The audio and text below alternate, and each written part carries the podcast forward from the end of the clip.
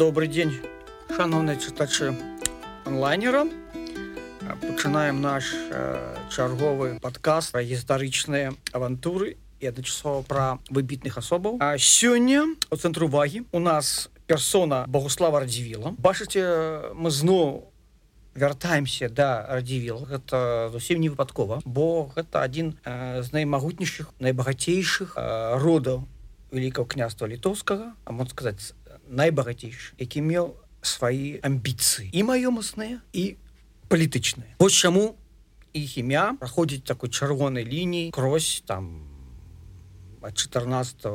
стагоддзя і нават у двадцатым стагоддзі мы чуем розгалас дзеянняў гэтага роду. З богуславам радзівілам непросто і распавядаць э, пра яго непросто і таму я вырашыў падзяліць свой повед э, пра яго біяграфію учынкі на таких э, э, тры розных але звязаных паміж сабой тэматычных блок найперш гэта авантурнае асабістае жыццё нашего героя. Далей мы паразмаўляем пра драматычнае палітычнае жыццё і чорную легенду богслава радзівіла безумоўна мы э, не зможам абысціся без аповеда пра стваральніцкую э, дзейнасць э, нашего героя. Ну і перад тым як пачаць распавядаць пра ягоныя прыгоды прыгоды былі з богослава радзівілу таким ужо больш свядомым узросце я бы все ж таки прыгадаў вытокі его сямейнай гісторыі. І гэта шмат што тлумачыць нам чаму першы гэты чалавек быў таким багатым і по-другое чаму вось э, некі такія асабістыя дзеянні асабістыя учынкі і часам яго былі такія экзатычныя скажем так. Тым что самого нараджэння самого маленства я на самой справе меў непростую гісторыю. Ягоны бацька януш шосты радзівіл з бержанскай лініі. Гэта была кальвіністская лінія радзівілаў пабраўся шлюбам з Софій Алелькавіч. Гэта спадчына велізарных латыфундій, велізарных земельных уладанняў слуцкім княстве, якое охопліла таксама і э, капыльчыну і капыльскае княства, былі удзельныя княствы. Гэты род быў праваслаўным, але ён вёў свой радавод ад э, Едміновичу. у гэтым сэнсе ён быў князкі і набліжаны да фаміліі да а, роду вялікіх князёў літоўскіх і вось менавіта праз а, гэты шлюб. Да бержанскіх радзівілаў перайшлі гэтыя велізарныя ладанні са слуцкім княствам ну але ведаеце што Сафія досыць рана памерла 1117 годзе з цяжкіх родаў яна не пакінула нашчадкаў тую перапіску якую мы маем показваюць паміж янушам і Сафій было ну такое сапраўднае каханне гэта такая была як бы такая драматычная лінія надалей для януша які взяў другі шлюб праз тры гады з елізаветы Сафіі князёўнай бранденбург. То бок ён звязался ўжо у семейных па сямейных сувязях з баденбургскай нямецкай лініі. Вось ужо ад гэтага шлюбу нараджаецца наш герой Богуслав радзівіў. Але ведаце што літаральна праз 7 месяцаў памірае ўжо бацькай Богуслава Януш радзівіл. То бок ён практычна сваю бацьку нашчадкам прозвішча імя і багаць якога ён быў. Ну а ўжо праз 8 гадоў ягоная маці, выходзіць э, замуж э, другі раз. І вось разумееце маленькі богуслав трапляю такую сітуацыю что его там просіць у вільню з вільні у даньск вот так он все вандруе урэшце рэшт пакуль за ім не замацоўваецца апёка апекунства так лепей сказаць ягонага дзядзькі. І гэта азначае апроч таго што ён даволі рана мусіў устанавіцца самастойным і як ва ўсіх родах магнацкіх а таксама шляхецкіх у вялікім княстве літоўска літоўскім ну але шляхта маецца навазе заможная. Ён выпраўляецца по навуку у замежа то боку вот 16 стагоддзя на наших землях з'яўляецца традыцыя что сыны магнатскіх і багата шляхецкіх родаў мусіць адбываць замежнае падарожжа з атрыманнем адукацыі заходняй Ну і зразумела что Богуслав як был пратэстантам і ён выхоўваўся у пратэстанцкім таким духу то адпаведна его накіроўвалі у універсітэты пратэстанцкія і нават на пачатку была такая вот ягоных абавязках запісана что ему было забаронена выезжаць у італію і іспанію ну то бок у такі паўднёвыя еўрапейскія краіны з моцным каталіцкім уплыву Ну і вось гэта ягонае знаходжанне у Еўропе. Было багатае на авантурныя учынкі. Ну ён сапады там заязджаў в універсітэты слухаў нейкія курсы а тады ведаце ну часто не вучыліся так вот наскрозь да скрозь прослухаць весь університетскі курс выбіраўся только там скажем один курс у рамках скПК году ці нават паўгадавыя былі курсы нейкі канкрэтнай лекцыі ну так тады была пабудаваная сістэма адукацыі ну але ён вельмі актыўна включаецца у прыдворнае жыццё найперш у францыі пазнае вайсковую навуку. Але ці што не абышлося у яго без авантурных учынкаў ну прыватнасці вядоўганы ягоны роман з пратэса дэканту кантэкруа гэта была такая прывабная жанчына наш март старэйша за Багуслава. Ну, кажа дасведчана амурных справах. Ведаеце каб надаваць ёй знак увагі ему прыйшлося Багуславу закласці нават свое фамільнае срэбра якое было пры ім. Але натуральна у гэтым рамане з'явіўся конкурент граф дэрыё еще один прыхільнік прынцесы ці князёўны так мусім можем перакласці ее тытул паміж двумя гэтымі паламянамі прыхільнікамі узнікла спрэчка і радзівіл ударил дыр'ё у сківіцу. Апошні кінул ему у твар пачатку что гэта означало гэта означало канфлікт павін быць вырашаны са зброі у руках. Зноў жа таки паводле романа дюма скажем так з'яўляются каралевскія гвардейцы і яны э, разогналі вот этой праціўныя бакі але праз год дуэлянты зноў сутыкнуліся і зноў за удзел у забароненыя дуэлі Богуслав быў на гэтым гэтым разам рэальна затрыманы і змешчаны у бастылью. Ну і вось э, пачынаецца такі як бы можа пачынацца такі драматычны э, э, перыяд яго на жыцця бо бастылія была вядома апроч таго тым што за практычна немагчыма было збегчы. Ну але э, літаральна э, праз дзень праз суткі дакладней нашего героя вызваляюць з басцілі казалася что гэта адбылося паводле жаданай же пажадання каралевы ганны австрыйскай так что бачыце і прыхільнікаў у богослава радзівіла было багата на былі вельмі важная вельмі значная але і ворагаў его хапала. І вось гэтую гэты уже бок жыцця мы надалей у вельмі добра можем прасачыць э, праз э, его палітычнае жыццё праз э, палітычную э, дзейнасць Богуслав радзівіў э, збіраецца звязаць сваё жыццё Еўропе з вайсковай дзейнасцю ведаць ён раней і змагаўся у французскім каралевскім воку войску супраць э, э, гішпаніі лёс яго таксама занёс на вайсковую службу у нідерланды Ну як кажуць гэта вот відаць па дакументах ён атрымліваў э, досыць э, неблагі заробак але ўрэшце рэшце кажуць зрэзігнаваў адмовіўся ад э, вайсковай кар'еры у замежы і можа быть на першы погляд нечакана у 1648 годзе. Ён нарадзіўся у двадцатым годзе. То есть вот бачыце можа было 28 год. Ну для таго часу абсалютна такое век абсалютна самастойны. э, сталы можна сказаць это уже самастойны чалавек і вось раптам ён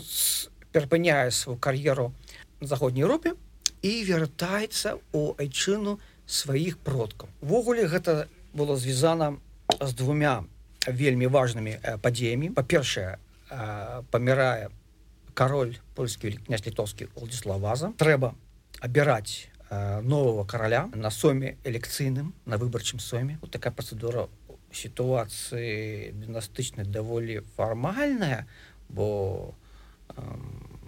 робіцца Ян казімир э, таксама з вазаў э, робіцца каралём але гэта неабходна было юрыдычна правесці праз соем Ну і по-другое адбываюцца такія вельмі трывожныя падзеі на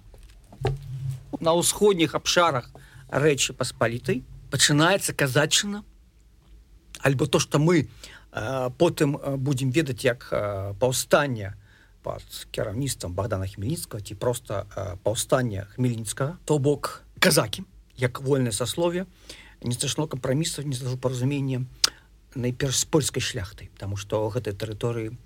украінскі тэрыторыі уваходзілі ў склад кароны польскай. То есть гэта была не літва не великкае княства літоўскае ну але ясна что гэтыя падзеі мусілі былі закрануць всю рэч паспалітай паспалітую. І вось гэтыя дзве на дзве нагоды прыводзіць Богуслава на радзіму. На соме ён падтрымлівае кандыдатуру Яна казіміра а потым мы бачым што пра все далейшае жыццё і пра все далейшую вот его палітычную дзейнасць канфлікты і пошукі паразумення з Янам казімірам былі такім як бы стражневым і лёсаўтваральным у э, жыцці э, Богуслава. Ну але на пачатку у прачуванні вот этих пагрозлівых падзей Богуслав як даволі уже вядомы з вайсковай службы атрымлівае э, годнасць генерала гвардіі Ну і до гэтага дакладаліся еще такія э, земельныя валоданні э, староства ашмянская і староства мазырская то есть або бачыце абодва на літве то бок у, у вялікім княстве літоўскім але казацкі сюжэт стал толькі такой нагодай для падзей якія вельмі радыкальна змянілі абрысы усходняй Еўропы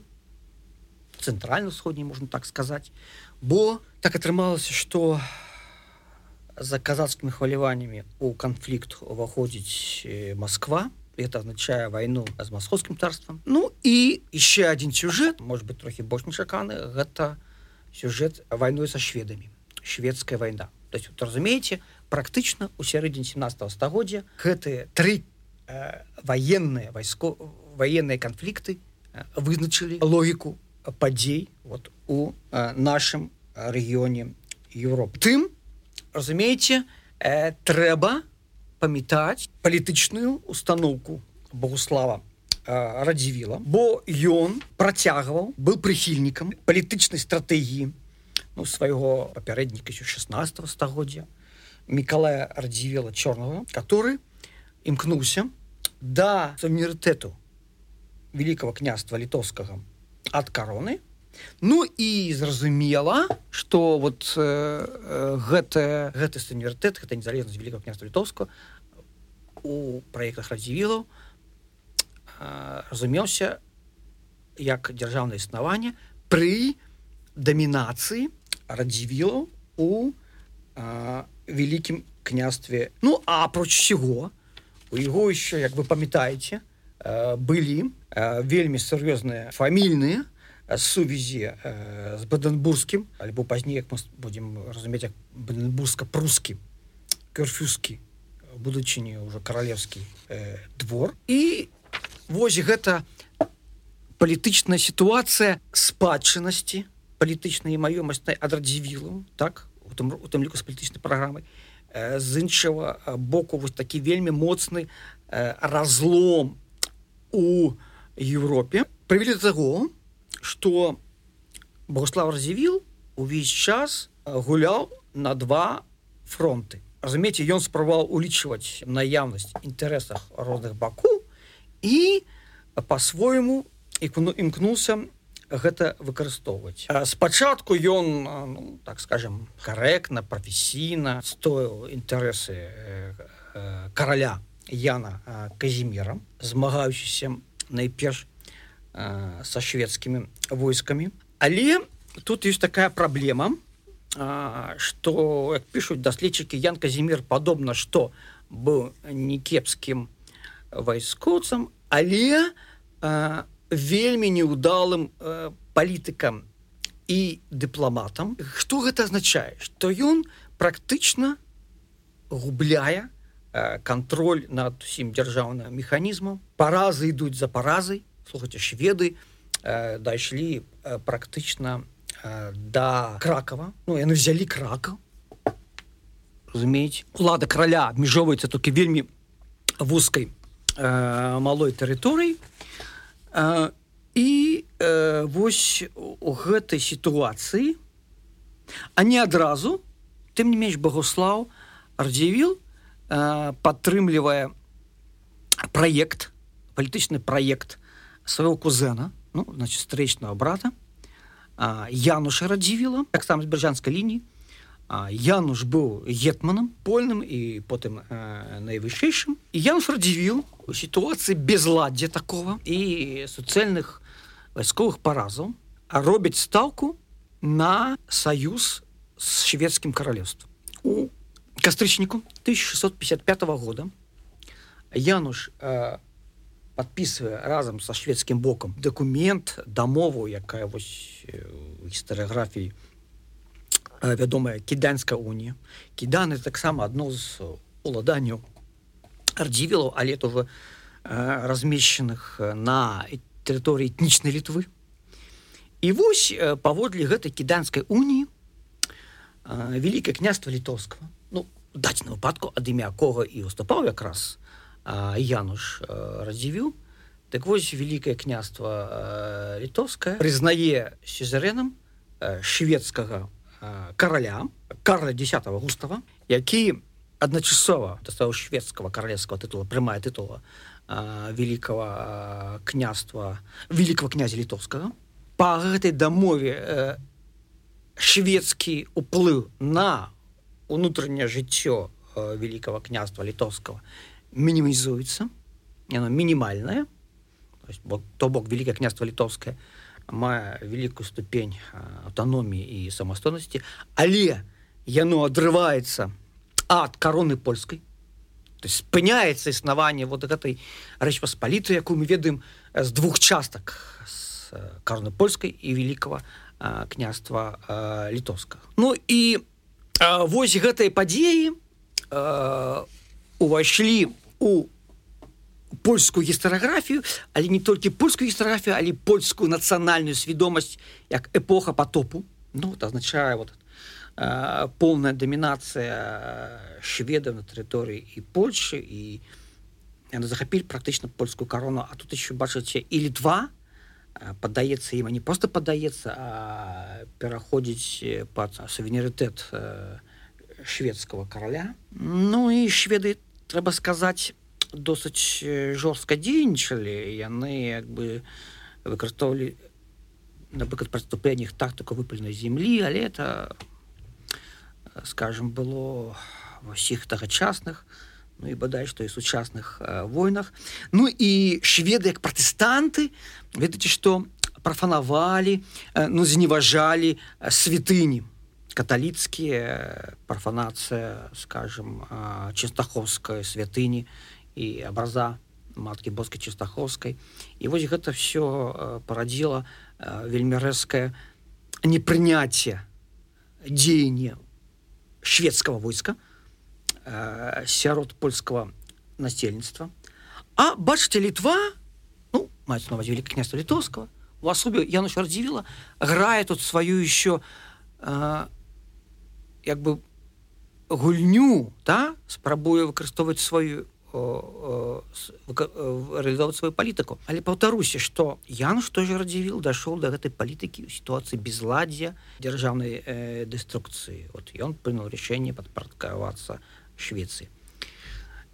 І у польскай свядомасці ўзнікла так так звана чорная легенда радзівілу.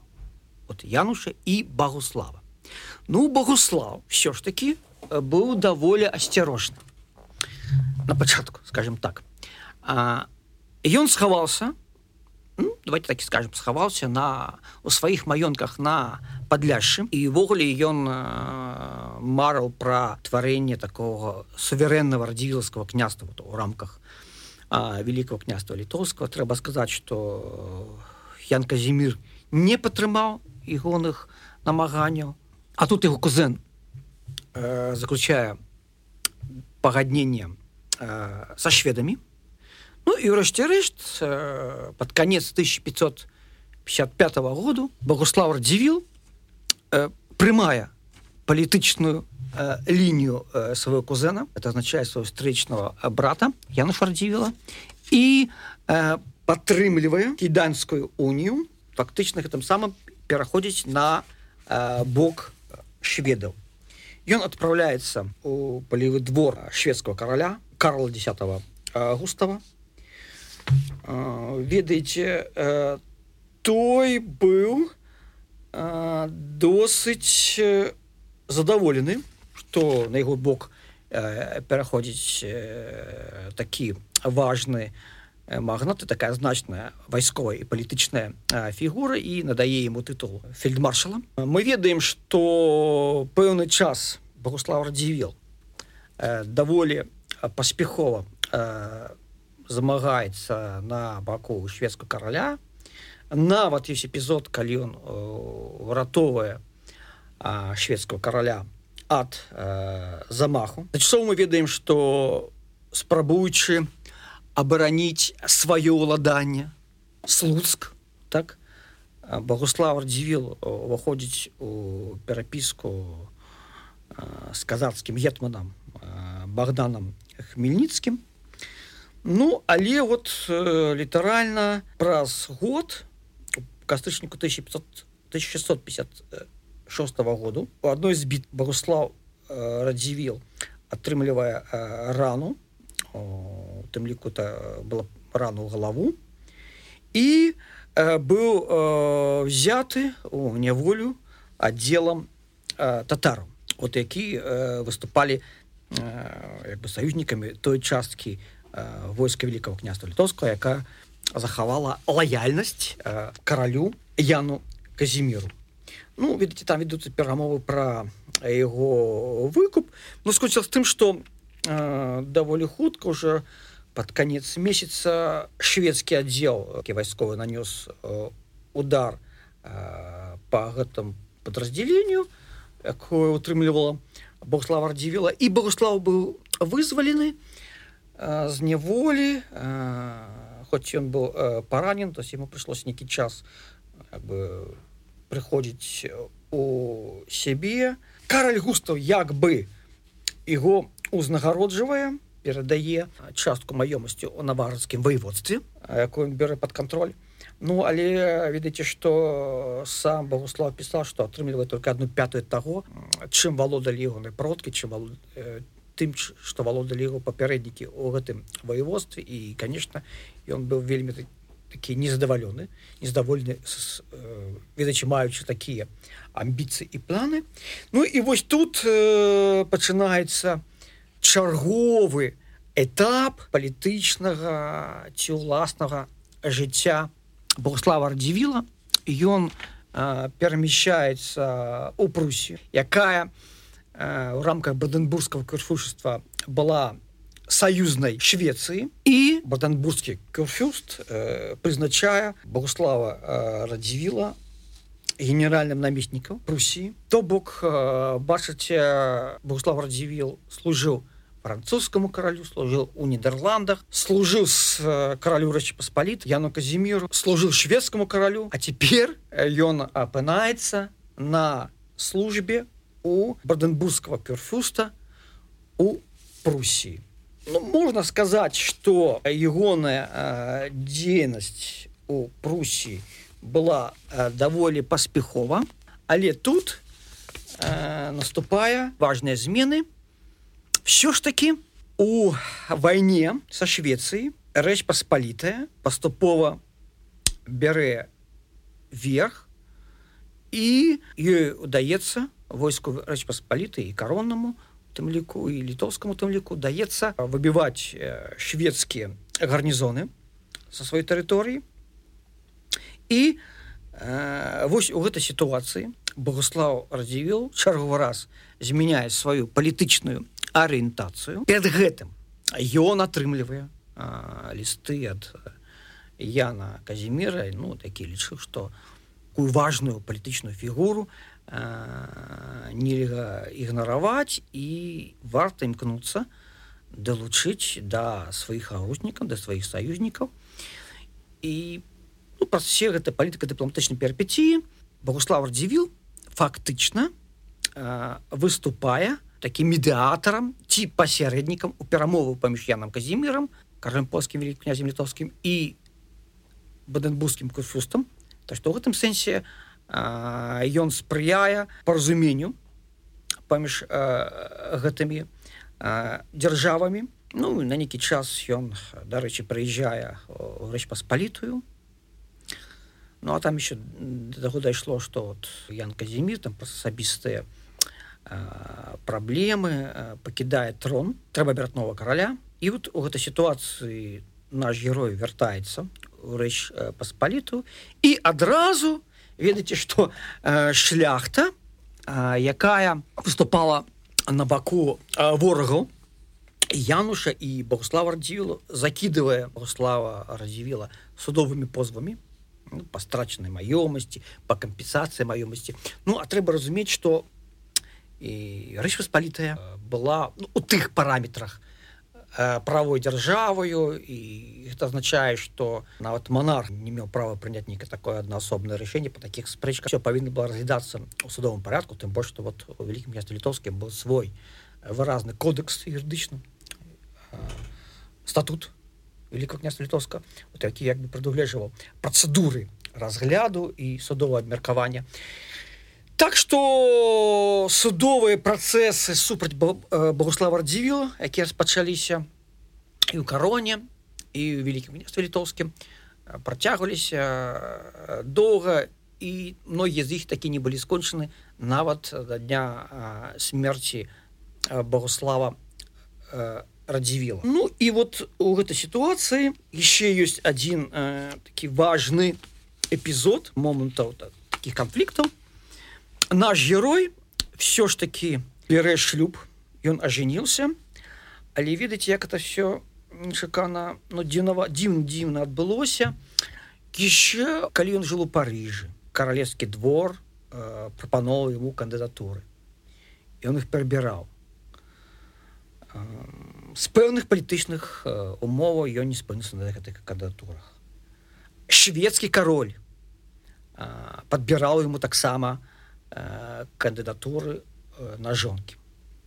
у тым ліку ён прапаноў э, сваіх сваячніц А чым все скончылася? Вельмі так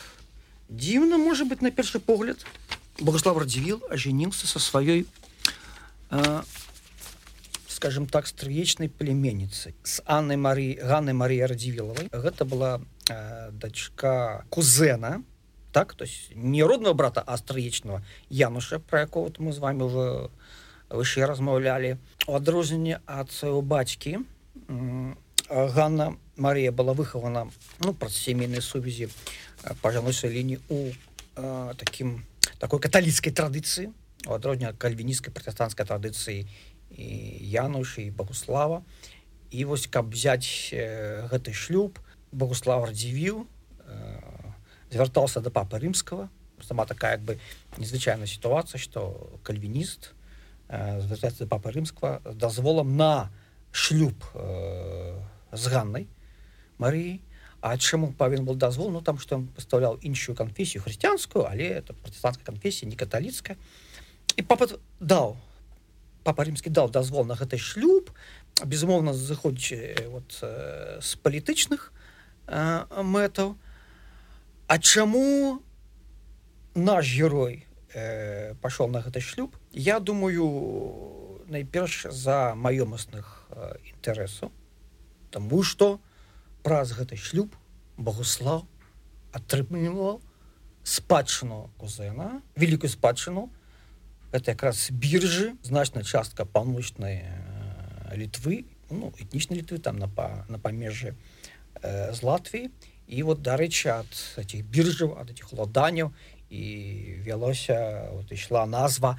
вот этой лініі э, магнацкай бержанскія радзівілы нашай тэрыторыі э, велерэй мелі найбольшае ўладанне ардзівілы несвіжскай лініі А вот такая еще одна вельмі моцная лінія была бержанская Ну але разумееце что адбылося э, выніку этого шлюба нарадзілася Людвіка караліна дачка Богослава Ігана Марі радзівілаў і рэч такая что вот эта вот людвіка яна стала апошняй ну, для піскаць стане апошняй прадстаўніцай э, бержанскай кальвінісцкай лініі э, радзівілаў бо як на багославе радзівілі сканчаецца мужчынская лінія радзівілаў так на э, людвіке караліне сканчаецца і жаночая лінія бержанскіх радзівілаў. І вот уже потым вся гэта маёмасць пераходзіць да нясвіжскіх радзілаў яшчэ больш умацоўваючы э, тых. Але тут бы я хотел еще звярнуцца да стваральніцкай дзейнасці богослава радзівіла. Разумееце ён не толькі ваяваў не толькі э, вандраваў не толькі варты того каб быць э, героем романаў александр дюма. Еще такой цікавую рэч можно сказать что ён быў фактычна сучаснікам вот этого напомню мітычного датаньяна але богуслав радзівіл пакінул пасля сябе вельмі значную такую стваральніцкую спадчыну фактычна ён у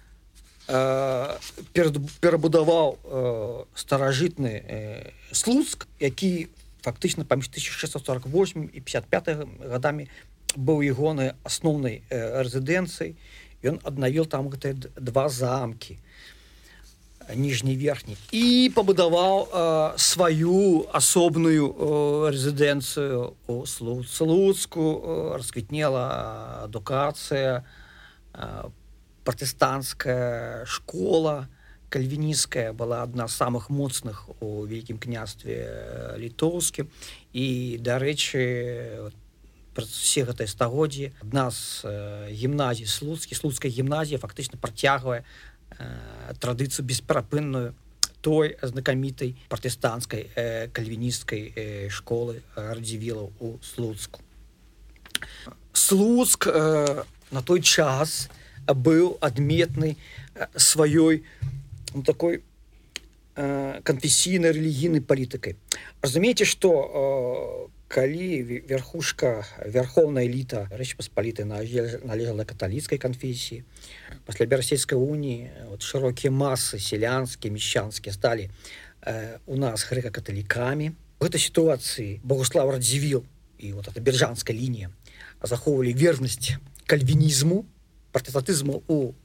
э, выглядзе кальвінізму. І што цікава